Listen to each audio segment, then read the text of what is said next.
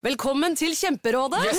Denne gangen har vi fått inn et kjempedilemma fra en familie. Okay. Jeg leser Hei, vi er litt uenige i familien her. Mm. Hvis du skulle vært et dyr, ville du hatt gjeller eller vinger? Oi, den er tricky. Ja, hva ville dere hatt da? Altså, jeg vet ikke, men Med familierabatt får de ubegrenset data fra Telenor fra 399 kroner. Da kan de jo scrolle seg til svaret, rett og slett. Ja, ok, Men for min del Ja. gjeller. Nei, nei, Gjelder. nei, vinger. Nei, nei, gjeller. Ja, okay, ja, kjempebra. Men eh, se nye mobilabonnement på telenor.no, da. Det er innmari viktig å være klar over at når man er i tenårene, mens hjernen fremdeles er i modningsprosess, så er man rett og slett mer utsatt for å bli avhengig av noe. Hei dere, velkommen til oss. Vi er Biohacking Girls, din podkast for optimal helse. Vi er to jenter bak rattet. Dette er Monica. Og dette er Alette. Vi er biohacking-kollegaer og legger sammen våre erfaringer og kunnskap for å inspirere deg til å ta fatt på biohacking for å optimalisere helsen din. Vi følger med og setter forstørrelsesglass på trender og siste forskning, og snakker med verdens toppeksperter innen trening, life coaching, helse og biohacking. Er du klar for å starte med konkrete hacks, lytte til din egen kropp og ta fatt på din helsemessige reise sammen med oss? Vi ønsker naturlig tilnærming til helsen vår, og vi snakker til både menn og kvinner. Du kan gjerne gi tilbakemeldinger til oss under podkasten her, og slå gjerne til med en god stjerne. Du finner oss også på Instagram og Facebook. Er du klar? Velkommen.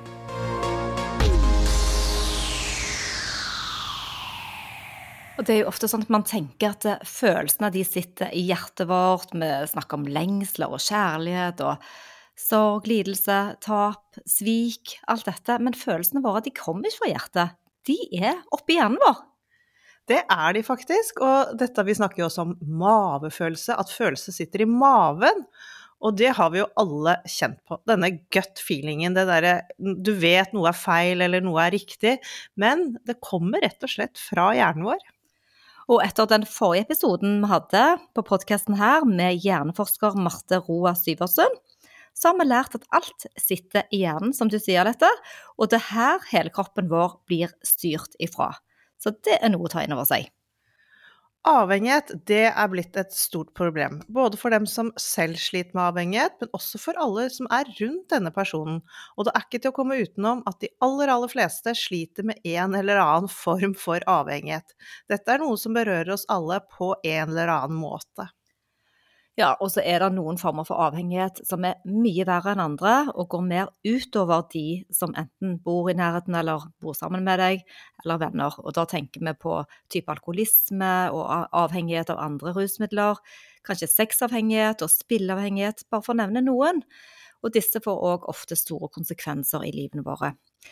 Og de er òg veldig synlige, men det er òg mange avhengigheter som går ubemerket hen. Ja, for man tenker ikke nødvendigvis det å være avhengig av et øh, stoff. Det trenger ikke å være det. Det kan også være objekter, det kan være ting, det kan til og med være mennesker, eller rett og slett bare situasjoner. Og dette gjør at hverdagslige elementer er noe du kanskje ikke forestiller deg at kan by på problemer. Ja, sånn som mel og sukker, det er jo noe mange er avhengig av, men ikke tenker over, fordi det er en stor del av hverdagen. Vi spiser mel og vi spiser sukker, både skjult og åpent. Og noen, alle spiser på en eller annen måte. Og det samme er jo med kaffe. Vi drikker jo kaffe ganske mye uten å tenke på at det kanskje skaper en avhengighet. Og akkurat nå, Alette, så er jo du på en liten kaffedetox. Eh, Fortell om det. Det er jeg faktisk, for nå har jeg begynt å finne ut at jeg egentlig ikke trenger så mye koffein. Jeg tror det er den circadian biologyen min som begynner å kicke inn. Men jeg har da i hvert fall begynt med en nedtrapping, så nå er Jeg drikker to kopper om kaffen, kaffe om dagen, og nå har jeg gått ned til én med vanlig kaffe og én med koffeinfri. Jeg er bare på tredje dagen, da. Men det er mange som også er avhengig av dette med SoMe og internett. Det er vel det mest utbredte avhengigheten vi ser i dag. Du har kanskje kjent på hvor vanskelig det er dette å gå ut av huset, og så har du glemt mobilen. Jeg må bare si at hvis jeg oppdager det, så snur jeg. Ja, men snur, og da er det enten en kontrollmekanisme, eller så er det rett og slett eh, avhengighet. Og hva med dette med kjærlighetsforhold? Det å være avhengig av kjærlighet er en av de mest oversette avhengighetene. Pornografi er òg mer tilgjengelig enn noen gang før, og forbruket er blitt mer eller mindre normalisert. Men dette kan man også lett bli avhengig av. Og selv om avhengighet ofte er knyttet til noe usunt, kan selv sunne ting som trening bli usunt når det blir en besettelse. Noen blir faktisk så avhengig av trening at det kan gå på bekostning av både jobb og familie. Jeg kan innrømme at jeg har vært avhengig av kaffe. Det er jo det jeg nå jobber med å bli kvitt. Det er en av disse jeg virkelig har kjent på. For jeg har faktisk prøvd å slutte to ganger før uten å få det til. Da gikk jeg et cold turkey, så nå er vi på den nedtrapping. Har du noe sånn du tenker at du er litt avhengig av, Monica? Ja og nei. Altså, jeg syns jo dette med sosiale medier Men nå har jeg satt det inn i tider, da, så jeg prøver å skru på fire ganger i døgnet. Men at jeg scroller litt på mobilen før jeg legger meg, det er på en måte en avhengighet. Jeg kjenner at hjernen min vil det, selv om jeg bør helst lese en bok. Så setter jeg på de blue-blokkerne og tror at jeg er liksom saved eh, med det. Men, eh, men eh, vi er iallfall i dag så heldige å ha med oss igjen Marte Roa Syversen, som kan stille disse spørsmålene. For hun er lege ved nevrologisk avdeling på Drammen sykehus. Og hun har doktorgrad om ungdomsepilepsi og hjernens pannelapsfunksjon. Hun har skrevet bøkene 'Menneskehjernen' og 'Ungdomshjernen', og vi gleder oss virkelig til å pick her brain om hjernen.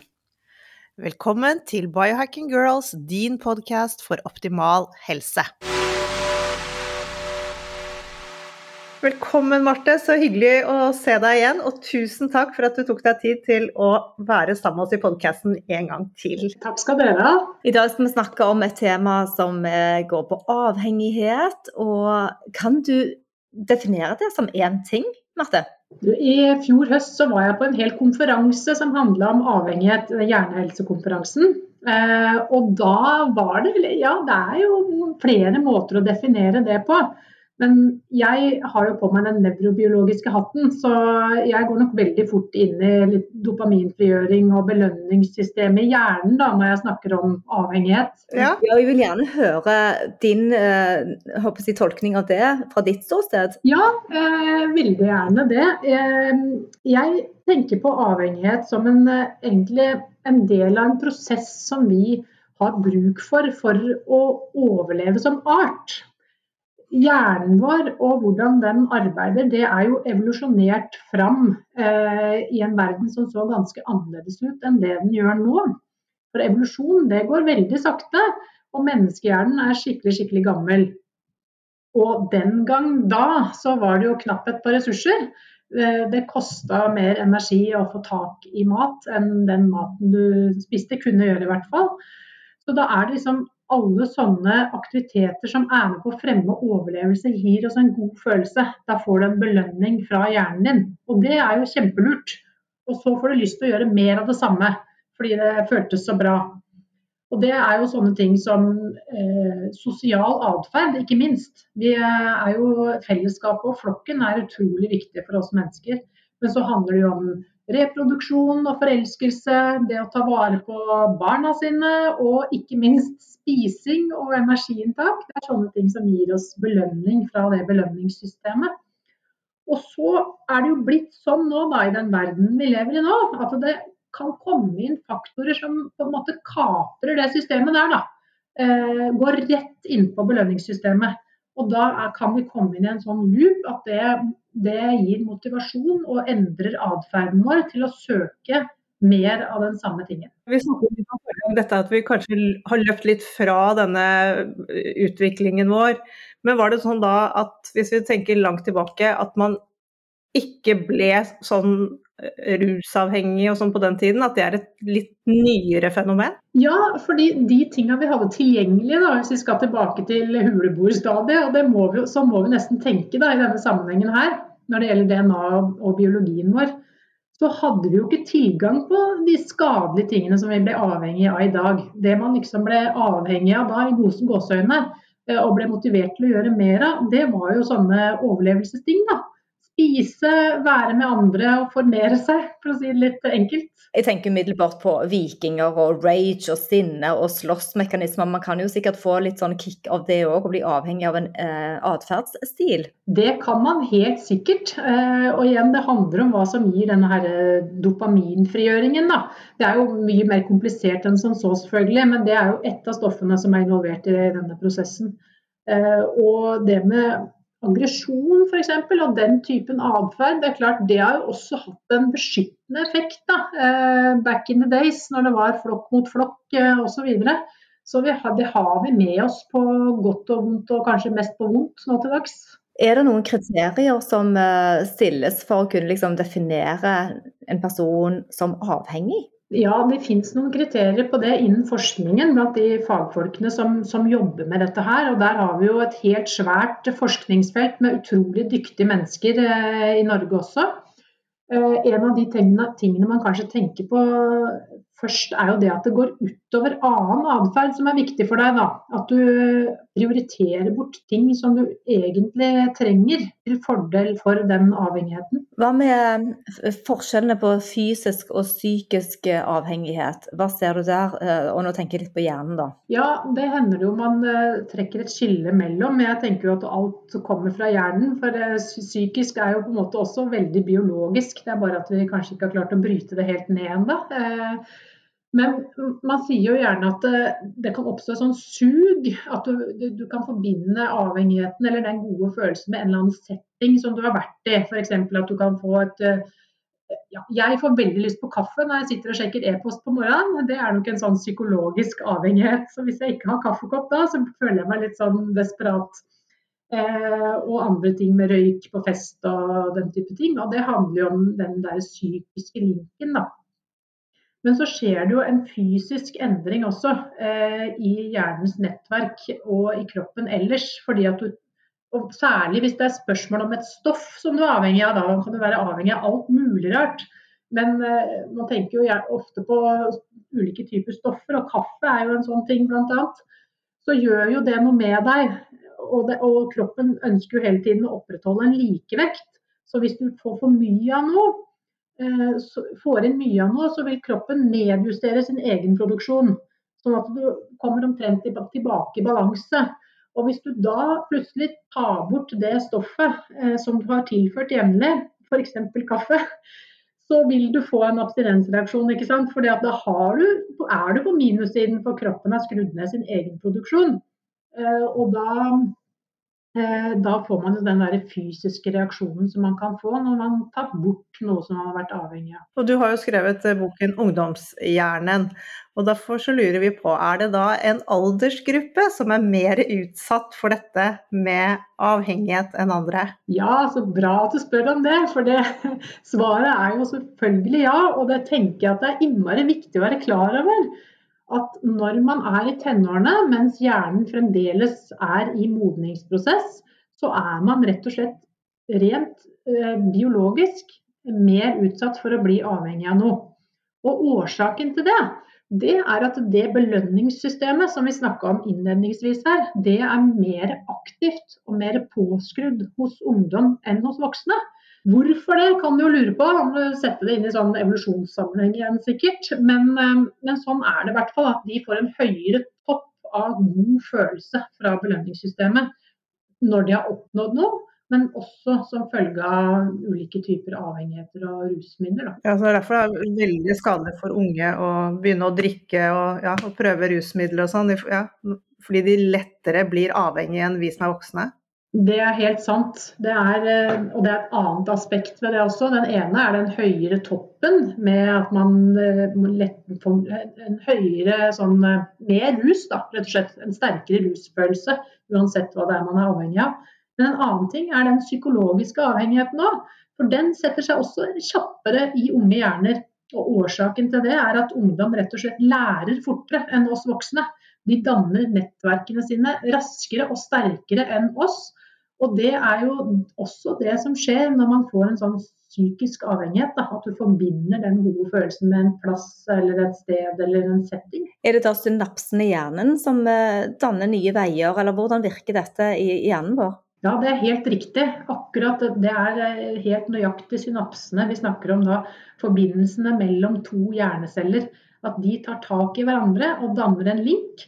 Og så skjer det liksom gang på gang på gang i et slags sånt nett. Og det er jo sporet av en læring eller et minne da, i, i hjernen. Det er lett å se etter en sommerferie, f.eks. når barn har spist altfor mye godteri og kanskje spist for mye is, og så kommer tilbake til hverdagen og skal stabilisere igjen og ja, ha normalt kosthold igjen. Fordi at man har blitt så vant til det. Er det noen gode råd å gi til ungdomsforeldre som står overfor utprøvende ungdom? Ja, jeg kommer stadig tilbake til det rådet om den gode samtalen. Og det er kanskje ikke så veldig revolusjonerende, for det er litt sånn eh, innlysende òg. Men eh, da kan jeg støtte meg på en eh, veldig dyktig ungdomshjerneforsker som heter Frances Jensen, og som skrev bok om ungdomshjernen før meg. Hun gjentar hele tiden det i boken sin, at hun bare snakket og snakket og snakket og snakket med sine ungdommer to gutter om konsekvenser, om kunnskap. Akkurat de tingene vi snakker om nå. For selv om biologien er litt mot dem på noen måter, så er den også litt med dem. Fordi, nettopp fordi de kan lære så fort, så kan de ta til seg fagkunnskap og forstå veldig, veldig mye. Og så gjelder det liksom å få anvendt den da, på en god måte når det brenner i teltet. Det var et veldig godt råd. Men jeg lurer også på dette med er vi født disponible for denne avhengigheten? Er det arvelig? For det hører vi jo hele tiden. Å ja, det er arvelig å være avhengig av det ene og det andre. Men stemmer det? Hvordan, hva skjer i hjernen? Ja, det stemmer nok det til en viss grad. Eh, men som med det meste annet som gjelder hjernen og nervesystemet, så er det veldig komplisert da, med mange faktorer. Men det er nok uh, utvilsomt sånn at, at, man kan ha med seg en sårbarhet og en risiko, at det kanskje skal mindre til før man blir hekta på noe. Da at vi har ulike sårbarheter for akkurat det. Eh, mens hos andre så skal det kanskje mer til før man havner i en sånn situasjon. Og Det tenker jeg det hadde vært veldig fint hvis vi i helsevesenet kunne fått kartlagt. For vi skriver ut en del vanedannende medikamenter. Tenk om vi kunne visst på forhånd hvem som ville komme til å bli hekta og hvem ikke. Der har vi mange svin på skogen, vi, vi leger. Ja, Det er fint at du eh, opplyser om, for det, det er helt klart eh, et problem. Og tannleger òg. Eh, når man skriver ut smertestillende, så må man ja, enten ansvarliggjøre oss selv og så si at jeg er svak for dette og sette grenser. Men hvis vi går til det som skjer i hjernen med belønningssenteret da. Hvordan kan dette knyttes til avhengighet? Det er, det er en veldig viktig bidragsytende faktor til at man blir avhengig. Da. Fordi avhengig av ja, Det er det samme systemet som gjør oss motiverte til å gjøre ting. Altså Det får deg til å gjøre visse ting på nytt og på nytt og på nytt fordi det gir en belønning som bl.a. dopamin spiller en viktig rolle i. Da. Så, og Noen ganger så det er enkelte ting som påvirker dette systemet mye sterkere enn andre ting. Eh, vi var jo innom det alt som er viktig for overlevelse. Og man kan jo definitivt snakke om eh, avhengighet av seksualitet f.eks. Og, og selvsagt også avhengighet av mat og spising. Det går jo rett inn i disse gamle greiene. Men det som er nytt, er jo alle rusmidler og stoffer som liksom er spesialkonstruert for å trykke på akkurat den knappen der. Da. Så da går du virkelig snarveien. Det, og da er det lite som kan utkonkurrere den kjempetoppen der, når du går liksom rett inn i belønningssystemet og slår det på med en bryter, nærmest. Da, sånn som du kan gjøre med en del av disse stoffene. Nå rokker vi kanskje på litt sånn uh, ukjent terreng, da, men det er jo interessant å se hva som skjer i hjernen hvis man kan studere hjernen under sånne type påvirkninger. Har du vært med på det? Jeg har ikke vært med på det, dessverre, for det har vært veldig veldig spennende. Men det fins som sagt eh, veldig gode og solide fagmiljøer innen avhengighetsforskning i Norge som det er absolutt verdt å lytte lytte til. Men eh, umiddelbart så tenker jeg at vi har jo veldig mye kul teknologi nå da, som vi kan bruke, og som vi ikke hadde før, og som har blitt veldig viktig innen hjerneforskningen. Og der er jo MR-maskiner f.eks., hvor man kan se hvor det lyser opp i hjernen under visse eh, omstendigheter, det er jo ganske spennende. Det tenker jeg jo kanskje har blitt brukt i denne sammenhengen også. Man kan sjekke hva som på en måte aktiverer ulike nettverk i hjernen. Da. Vi må jo snakke litt om dette dopaminet, som er eh, nesten roten til alt, alt som har med avhengighet å gjøre. Er vi alle drevet av dette dopaminsuget? Ja, dopamin er roten til alt godt, kanskje. Jeg kunne nesten sagt. Eh, ja, vi er det, altså. Fordi at vi er sånn fra naturens side. Og som jeg sa i stad, så ville jeg nok få litt kjeft hvis jeg hadde sagt at det bare var dopamin. For det, det er veldig sammensatt og, og, komplisert, og det er andre stoffer og andre nettverk også med inni, inni ligningen her. Men, men, det er helt relevant å snakke om det og nevne dopamin som stoff. Det er det, og det, det er vi alle utstyrt med. Men Er det sånn at noen har for mye og noen har for lite? Ja, det er forskjeller på det òg. Og noen ganger så gir jo det seg utslag som sykdomsuttrykk. da.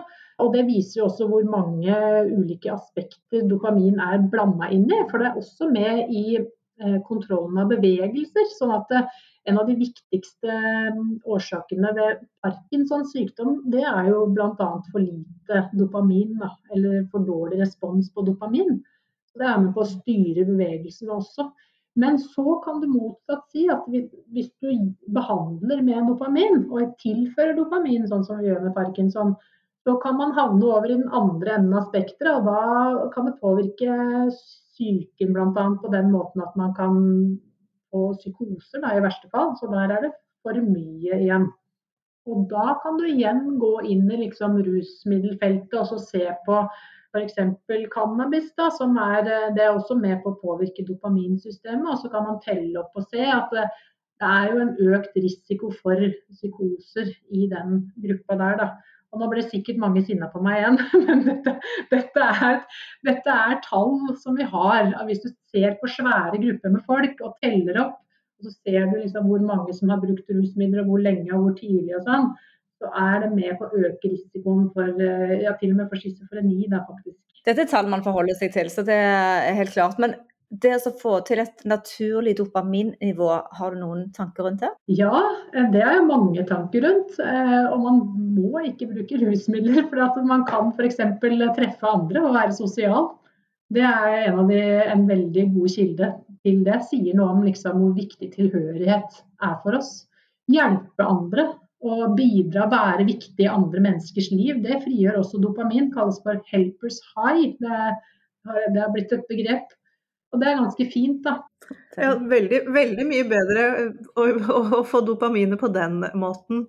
Men når vi snakker om det da, sånn gjøre for andre og litt det å gjøre for seg selv, fordi vi jobber jo i treningsbransjen, ja. og vi ser jo veldig mange som er blitt, eh, trener så mye at de på en måte blir avhengig av det. Mm. Eh, at det da går på ja, Det er også, også, en sånn ting som bare kan gå fra det gode til at det blir for mye. Mm. Har vi flere sånne ting? Ja, det, det, er jo egentlig alt som, igjen, som gjør at, du, at det tar fokuset vekk fra andre ting som du burde hatt i livet ditt. F.eks. samvær med familie, da, som jeg tenker kanskje kan være en faktor i sånne trening, når det er for mye trening. At man kommer i en slags ubalanse på det. Så det som egentlig var bra for deg, for det er jo fysisk aktivitet utvilsomt, har overhånd og blir litt for mye. Og Det er selvfølgelig også knytta til belønning og oppnåelse av mål og den gode følelsen. Og så kan du legge til at ved trening så har vi jo enda flere stoffer i spill, f.eks. endorfinene. Som også gir en sånn oppløftende effekt. Og de ligner jo litt på eh, morfin. ikke sant? Det går på noe av det samme systemet. Så det gir, en, det gir en god følelse. Og så har det en smertelindrende effekt òg, faktisk. Ja, det kan vi kjenne igjen. For det, det endorfinpåslaget etter du har hatt en god treningsøkt, det, det gir en sånn ja, glede, et overskudd og eh, følelse av eh, ja, verdi. Jeg føler meg verdifull når jeg har fått gjort en sånn type innsats. Og det samme med type kaldebad, eller ja, hvis du utsetter deg for noe som er litt sånn hormetisk stressende, så kan man òg kjenne at uh, at man får et lite kick etterpå. Ja. Skal vi gå inn på det limbiske system? Ja, Kanskje? det vil jeg gjerne snakke litt om. Kunne du ikke fortelle litt uh, den følelsen av velvære? Ja, det limbiske system. Det er så deilig at det har sånne vanskelige navn, for da, da høres man så smart ut når man prater om det. men, og jeg veit faktisk ikke helt hvor det navnet kommer fra, eller akkurat hva det betyr. Men det er jo en gammel del av hjernen vår. Den ligger liksom veldig sentralt, og, og vi kaller det jo ofte for følehjernen. Og alle typer følelser knyttes opp mot det systemet. Da. Så én ting er liksom de gode følelsene og tilknytning og sånne ting, men du, men du har jo også frykt og aggresjon eh, knytta til den bitte lille derten amygdala som ligger i det limbiske system, alarmsentralen. Tenk at en så liten struktur kan gjøre så enormt svære effekter. Og så er dette knyttet opp mot hippocampus igjen, også innenfor det limbiske system. og Det er et annet artig navn som det er å slenge rundt seg med. Det, og det vet jeg hva det betyr. Det betyr sjøhest. Og det har noe med minner å gjøre. Sånn at, og det sier noe også at sterke følelser og emosjoner, da er det større sjanse for at vi husker det også. Fordi det ligger i direkte fysisk tilknytning til den reléstasjonen for hukommelsen vår. Så alt dette har vi liksom samla i det limbiske systemet. Da. Og da er vi òg inne på når frykt eller uro òg styrer kanskje litt sånn tvangsrelaterte handlinger, som òg er i grenseland til avhengighet. Stemmer Mhm. ikke det? Jo, fordi altså, når alarmen går, så er det jo gjerne fare på ferde. I hvert fall tror hjernen det. Og da er det veldig raskt at vi tyr til handling, gjerne automatisk, før vi rekker å få tenkt oss om. Og så plutselig har vi gjort noe som egentlig ikke var så lurt i den store sammenhengen. Men det, det handler jo om at noen ganger kan det kanskje være livreddende, da. Eller har vært det i hvert fall. Å handle kjapt på en sånn fryktimpuls. Mens hvis du, hvis du teller til ti, eller har mulighet til det, så rekker de fornuftige nettverkene og de resonnerende nettverkene gjerne å koble seg på. Og så fortelle deg at mm, vent litt, ikke gjør, ikke gjør det der, for da kan det og det skje. Det er mye langsommere prosesser. Men også sånn som vi lever jo stressende liv, vi har mye å gjøre. Vi er avhengig av å tjene penger, vi er avhengig av å jobbe, vi er avhengig av å få dagene til å gå rundt. Er det avhengighet, eller er det bare noe man sier? Er dette vaner? Eller kan man også kalle det for sånn type avhengighet? Ja, det, og da er vi jo litt inne på definisjoner igjen, da, og hva man skal kalle for hvilke ord man skal bruke om ulike ting. For det var en professor jeg hørte på den eh, der avhengighetskonferansen i fjor høst, som sa bl.a. at eh, vi er jo avhengig av luft. altså Det er ting vi må ha for å leve. da, Avhengig av vann i hverdagen vår. Så det spørs jo litt hvordan man ordlegger seg og hva man mener og legger i det. da. Eh, Men vi har vel kanskje med oss at det med avhengighet er knytta til noe som ikke er så bra for deg. Så Det er disse kriteriene med at det går utover andre ting som er viktig, og at du ikke egentlig klarer å slutte med det, selv om du skulle ønske at du fikk det til. Og så tenker jeg igjen litt på dette her belønningssystemet igjen. da, At det er den loopen at det liksom får deg til å gjøre mer av det som ga deg dopamin i utgangspunktet. Sånn tenker jeg på avhengighet, da. Og da er det fint å trekke fram eh, sosiale medier, eh, mobiltelefoner og skjerm. Og både barn og voksne, og voksne like mye, og kanskje mer. Fordi at eh, vi ser jo da, når vi leser litt forskning på dette, hvor statistikken er, hvor hyppig man tar opp mobiltelefonen hver gang man står og venter i en kø, eller sitter i bilkø, eller du har sånn pauserom, så er du inne og sjekker ting hele tiden. Og så til slutt så skjønner du ikke helt uh, hvor mange ganger du har vært inne på den telefonen. Men hvis du hadde hatt en sånn telleknapp, så kan du kanskje bli overrasket. Er dette, dette går vel inn under den avhengigheten som stjeler fokus fra det positive? Ja, det vil jeg si i høyeste grad. I hvert fall når jeg ser liksom Det er ikke så veldig uvanlig at du ser folk som ser på mobiltelefonen istedenfor å se på babyen sin, f.eks. Eh, det er litt leit når den, babyen prøver å søke blikkontakt og vil ha kontakt med den voksne.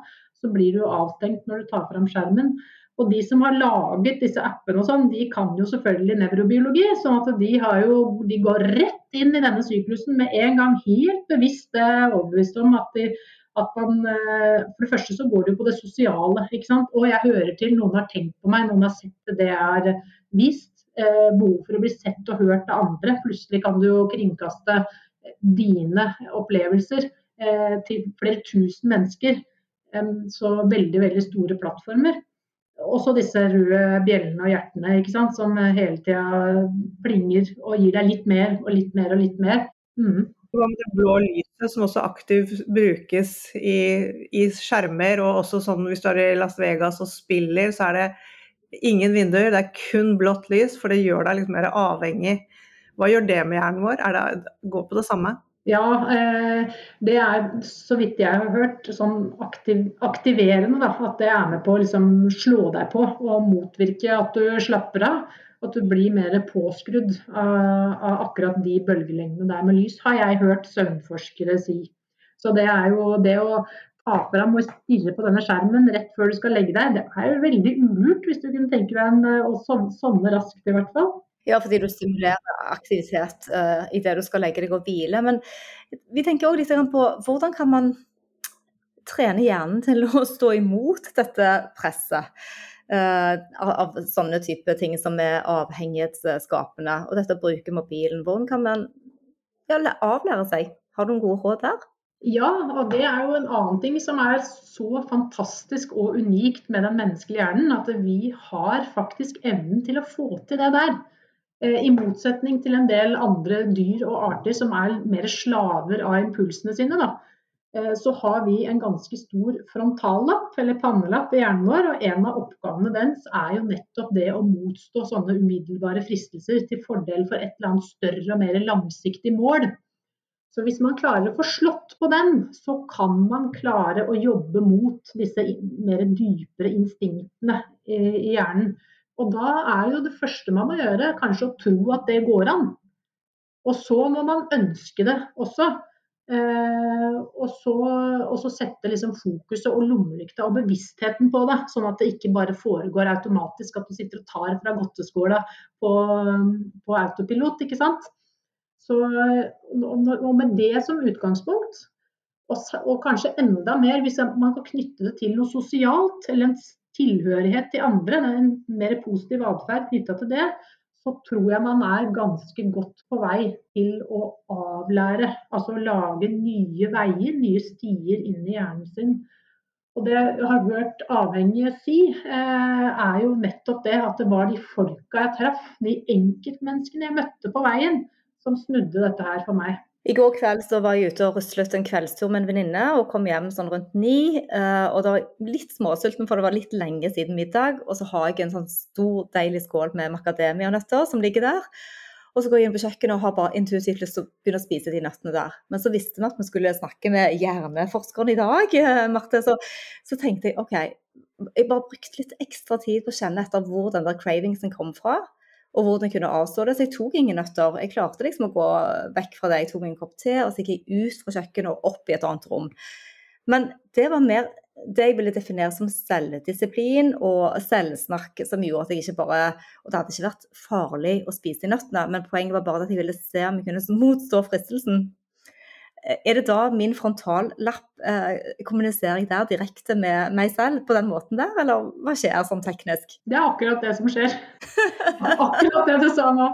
For da er det pannelappen som tar kontroll, og så fikk du satt bevisstheten på det. ikke sant? Du fikk satt på den lommelykta og tenkt ja, akkurat nå er det det som skjer. Da skal jeg la være å handle på den impulsen, eh, fordi sånn og sånn. Og så gjorde du en annen veldig smart ting. Du fjerna deg fysisk fra den fristelsen.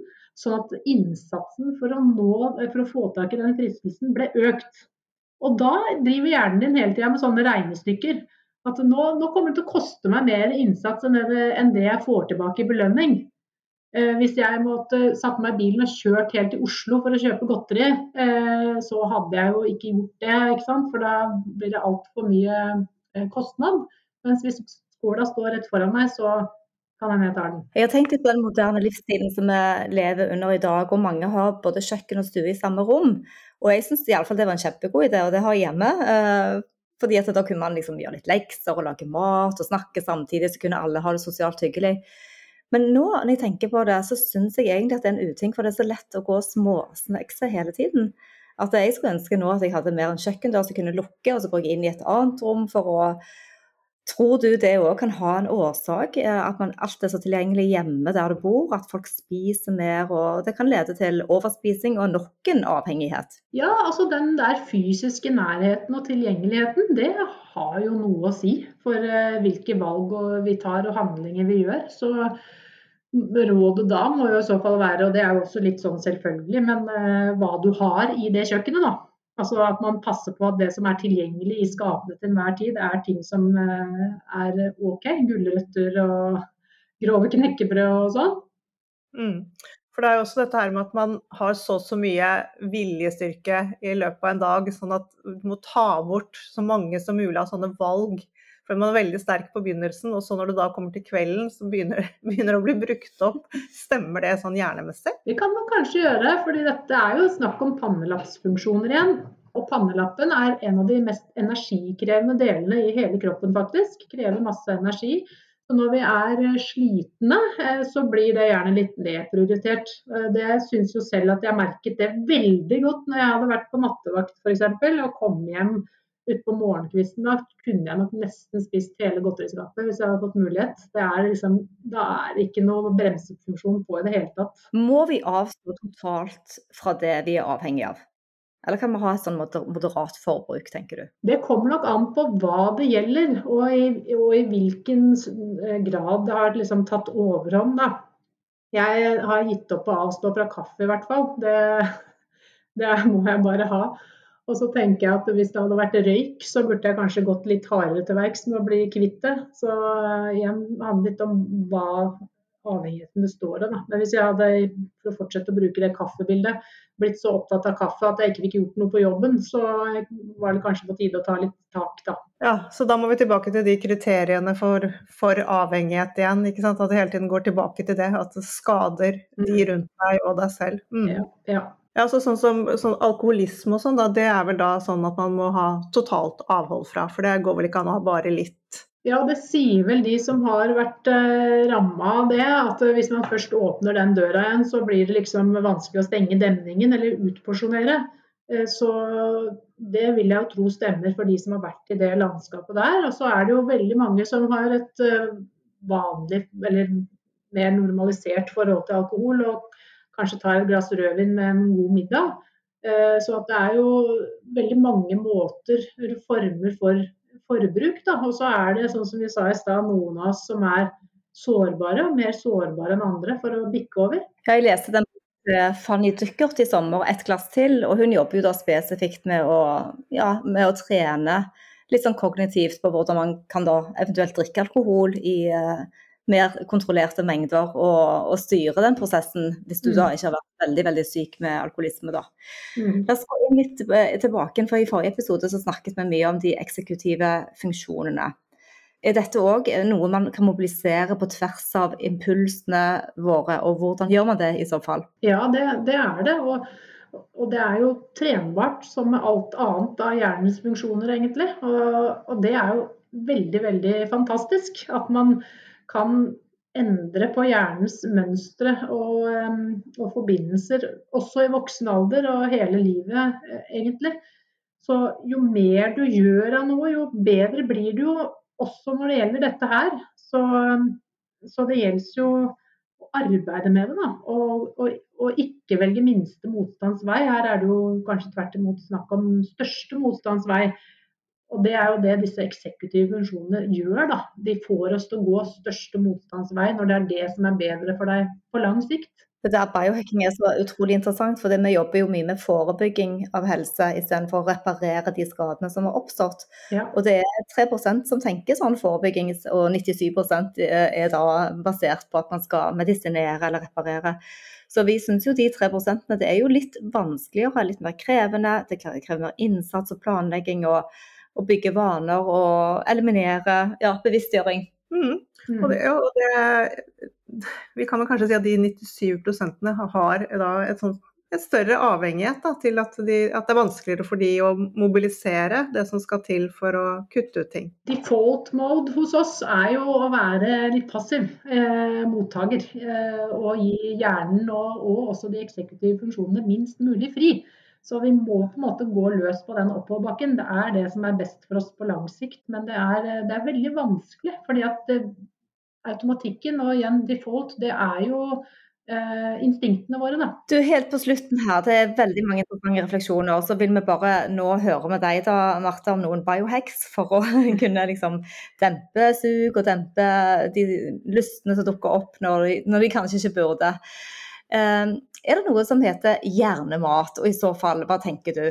Ja, det var et uh, bra spørsmål. Uh, det gjelder vel egentlig for hjernen som for uh, helse generelt. Da, at man må være forsiktig med mye sukker og fett, og tenke, tenke frukt og grønnsaker, egentlig. At det er bra for Eh, for nervesystemet og hjernen også. Da. Så eh, bare sunt og, sunt og variert gjelder der òg. Men dette tror jeg dere kan mer om enn meg. med fett på hjernen det er jo viktig, sant? at hjernen får fettsyrene sine, eh, omega-3 og ikke sant. Mm. Men og hva med meditasjon, kan det også hjelpe? Ja, det er jo helt fantastisk. Og det er, vet du hva, det er nesten en egen episode, det òg. For det er noe med å slå av stressreaksjonen. Stressrespons har vi jo ikke snakket om nå i det hele tatt i denne sammenhengen, men meditasjon er jo en motvekt mot det. Og, og den type eh, tilnærming til helse, det tror jeg vi har altfor alt lite av. Der er det mye å hente. Ja, fordi at hvis du er stresset, så er du òg svakere i beslutningene dine, ikke sant? Det påvirker en helt haug med ting, sånn eh, helt, helt konkret fysisk eh, i kroppen. Ja, nei, stress er viktig. Eh, dette med supplementer, vi liker jo godt å ta noen få, men kvalitetskosttilskudd. Og, og selvfølgelig må vi bare si omega-3 igjen, men er det noe spesielt du tenker hjernen trenger? Ja, vi fra, vi fra sykehuset, vi har jo kanskje, eh, og i hvert fall fra nevrologisk avdeling, vi kommer nok veldig fort til å trekke fram D-vitamin. Eh, og særlig i vintermånedene når det er lite lys. Det er vel egentlig en eh, normalt nesten å ha for lite D-vitamin på vinteren. Alle trenger, jeg vil nesten si alle trenger tilskudd av det. Og, og, der har vi jo sett sammenhenger med sykdommer som f.eks. multiple sklerose da, eh, og D-vitamin. ikke sant? Sånn at det, det, har noe å si for hjernehelsen. Det, det er nok ganske sikkert. Så ta litt tran, da. Så får du både det og gode fettsyrer. Veldig bra. Men hva med denne døgnklokken vår, en circadian rhythm, som vi også nå lever jo helt på tvers av. Mm. Eh, hva tror du om det i forhold til hjernehelse? Har den noe å si? At vi prøver å synke litt bedre? Ja, det har ekstremt masse å si. Eh, søvn er helt sentralt når det gjelder hjernehelsen. Og også de eksekutive funksjonenes funksjon. Fordi eh, Hvis man tuller med døgnrytmen, og særlig får for lite søvn, så er jo det igjen en av de første tingene det, det går utover. Da. Tilbake til dette med nattevakt og sånn. Så det er eh, skikkelig viktig med, med, god søvn. Og nå har vi fått så mange verktøy rundt oss, eh, lyspæra f.eks., som gjør at vi kan tulle med den døgnrytmen. Og det gjør vi jo i stor grad. Ja, hva tenker du når du har vært på nattevakt? Bare det går jo nesten ikke an å sove på dagen. Hva, hva gjør du da? Setter du på natt, tar du på sånn maske på øynene dine? Får du, får du, det til? Klarer du å hente deg inn igjen? Jeg tror ikke man egentlig får henta seg ordentlig inn igjen. Eh, I hvert fall ikke før det har gått noen døgn. Altså. Eh, det å slå av på det der er veldig belastende for nervesystemet. Så det er jo egentlig usunt å jobbe nattskift. Men eh, jeg for min del er jo ofte så utslitt etter en nattevakt at jeg, jeg sovner jo. Eh, fordi det er så utrolig på minussiden. Da, at eh, bare en seng og et mørkt rom, og så er det stille, da. Så, så hvis, hvis, man har vært uheldig, enten måttet jobbe nattevakt eller har eh, ødelagt litt for sin egen døgnrytme, hva, hvordan reparerer man best mulig? Da er nok rådet fra søvnforskerne er jo mest mulig rutine. da, At man har liksom faste rammer og klokkeslett rundt når man sover og er våken. Så, men det er nok sikkert lurt å hvile litt med en gang etterpå, og ikke gå rett løs på en vanlig dag. Eh, men så må man jo så fort som mulig komme inn i sin vanlige rutine igjen, eh, tenker jeg, og få lagt seg til noenlunde normal tid eh, neste kveld. Kjempebra. Det blir spennende. Ja, dette har vært veldig, veldig oppklarende. Tusen takk for at du deler så mye av kunnskapen din. Bare hyggelig. Det er gøy. Veldig hyggelig å ha deg med på podkasten. Hva skal du gjøre nå framover? Har du noe spesielt eh, på gang? Du, skriver du flere bøker, eller hva gjør du? Nå, eh, Hovedfokuset akkurat nå er å eh, jobbe opp et eh, større internasjonalt prosjekt om eh, stress og hjernehelse. Sånn tilbake til det der. Det er veldig spennende. Det er et team med både økonom og psykolog og eh, nevrolog og ja, veldig bredt team fra mange ulike land som skal eh, gå sammen om å løse dette. Høres ut som et spennende mysterium å dykke inn i. Vi, ja. vi, får komme tilbake til deg, Marte. Ja. tusen, tusen takk skal du ha. Nok en gang en informativ episode med Marte. Tenk at hun klarer å gjøre hjernen så interessant. Og jeg må si, Monica, veldig veldig flink du var i går med de der nøttene. Der var du, der var du rå. Ja, men det er jo bare å øve, og det er ikke alltid det går så bra. Eh, jeg må si at eh, Svakheten min kommer titt og ofte, men eh, så er det bare å prøve igjen. Ikke gi opp. For det er noe med at man tråkker feil, og man går på feilskjær og man eh, skeier ut. Og så må man prøve bare å tenke at man gjør sitt beste. Det gjør ingenting. Det går helt fint. Ja, Det er utrolig viktig å tenke på, for det er så mange av oss som blir sånn helt slått ut av en bitte liten feil. Men det er, vi må hele tiden se forover. Det som er gjort, er gjort, og så må man gå videre. Det kommer en ny dag, et neste måltid. Da kan vi gjøre nye valg. Det er kjempeviktig å si. Tusen takk for at du lyttet, og vi ønsker dere en strålende uke. Og happy biohacking!